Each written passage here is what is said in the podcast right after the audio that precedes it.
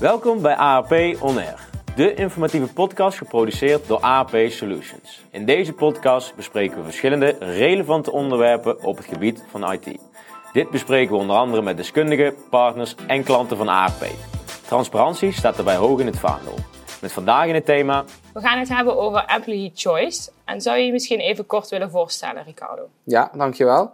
Mijn naam is eh, Ricardo van Mol. Ik werk eh, bij AAP als Apple Business Developer. En ik hou me eigenlijk bezig met alles wat Apple aangaat binnen onze organisatie.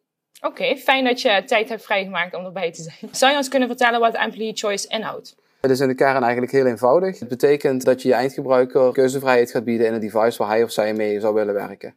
Waarom hebben organisaties behoefte aan Employee Choice? Je ziet een aantal dingen terugkomen. Um, het heeft te maken met functiespecifieke eisen. Iemand van de financiële administratie heeft een andere behoefte dan een, een grafische ontwerper bijvoorbeeld. Maar het heeft natuurlijk ook te maken met persoonlijke voorkeur. We rijden ook niet allemaal in dezelfde auto. We hebben allemaal onze eigen wensen en behoeften. En rondom je devicekeuze is dat natuurlijk exact hetzelfde. Wat je heel erg ziet is dat er op dit moment op de universiteiten en op de hogescholen eh, studenten werken met MacBooks. Waar je vroeger, 20 jaar geleden, vooral allemaal gewend was om met een Microsoft of een Windows device te werken, zie je dat nu die, uh, die kentering gemaakt is naar een, naar een MacBook.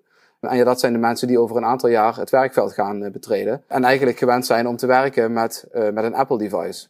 Dus die twee werelden die gaan in een organisatie uiteindelijk bij elkaar komen. En uh, ja, iedere organisatie gaat dat een keer meemaken. Dat je ja, mensen in je organisatie hebt met verschillende behoeften omtrent hun device. Combineer die twee zaken met elkaar, dan ga je een gebruikersgroep krijgen die graag met Microsoft wil werken. En je gaat een gebruikersgroep krijgen die graag met Apple wil werken. Nou, als je als organisatie je gaat toespitsen op employee choice, ga je zowel voor gebruikersgroep A als voor gebruikersgroep B een optimale situatie creëren. Steeds meer bedrijven maken gebruik van employee choice. Kan je vertellen wat daar de redenen voor zijn? Zeker. Ook dat heeft een aantal uh, factoren. Het heeft enerzijds te maken met de war for talent die wat op dit moment aan de gang is. We zien dat uh, organisaties het heel lastig vinden om geschikt personeel aan zich te kunnen binden op dit moment. En als je personeel eenmaal in je organisatie hebt, dan is het ook heel lastig om die te behouden. Dus door het inzetten van employee choice zie je dat organisaties dit eigenlijk als een secundaire arbeidsvoorwaarde gaan gebruiken. En dat uh, werkzoekenden het heel interessant vinden om een keuze voor, uh, voor een device als een van de voorwaarden te gaan gebruiken in de selectie van een werkgever. En op die manier kan je al je werknemers faciliteren met het device waarmee zij graag willen werken, waardoor ze een optimale productiviteit uh, gaan bereiken. Zou je ons kunnen uitleggen hoe AFP dit implementeert bij haar klanten? Zeker. Ja, dit is natuurlijk uh, in de kern zo klinkt het heel interessant en makkelijk in te richten. Je hebt natuurlijk wel nog een stuk beheer en integratie wat je gaat tegenkomen in het proces.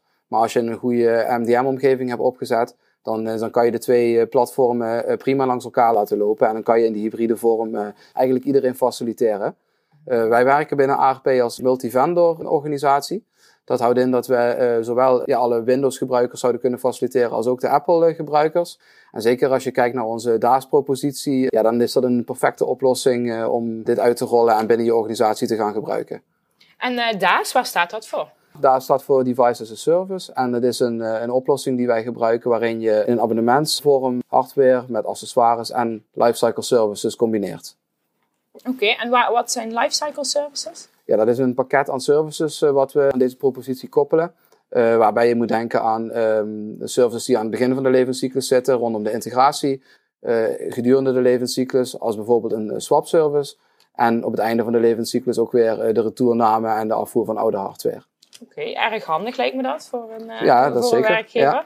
En kan je ook verschillende um, vendoren combineren in, in, binnen DAS? Ja, dat is mogelijk. En daarom dat het goed aansluit bij Employee Choice, omdat we zowel Windows-gebruikers als Apple-gebruikers hierin zouden kunnen combineren. En het uh, wordt op basis van persona's uitgerold, dus je kan ook als organisatie enerzijds toch standaardiseren, maar ook weer differentiëren. Oké, okay, oké. Okay. Bedankt voor je tijd, Ricardo. Ik ben eigenlijk wel een heel stuk wijzer geworden over Employee Choice en ook welke voordelen dit kan opleveren voor een organisatie.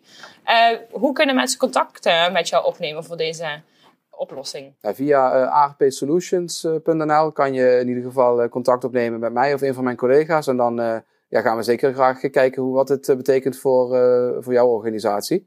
Oké, super. Duidelijk. Bedankt voor je uitleg en bedankt voor je komst.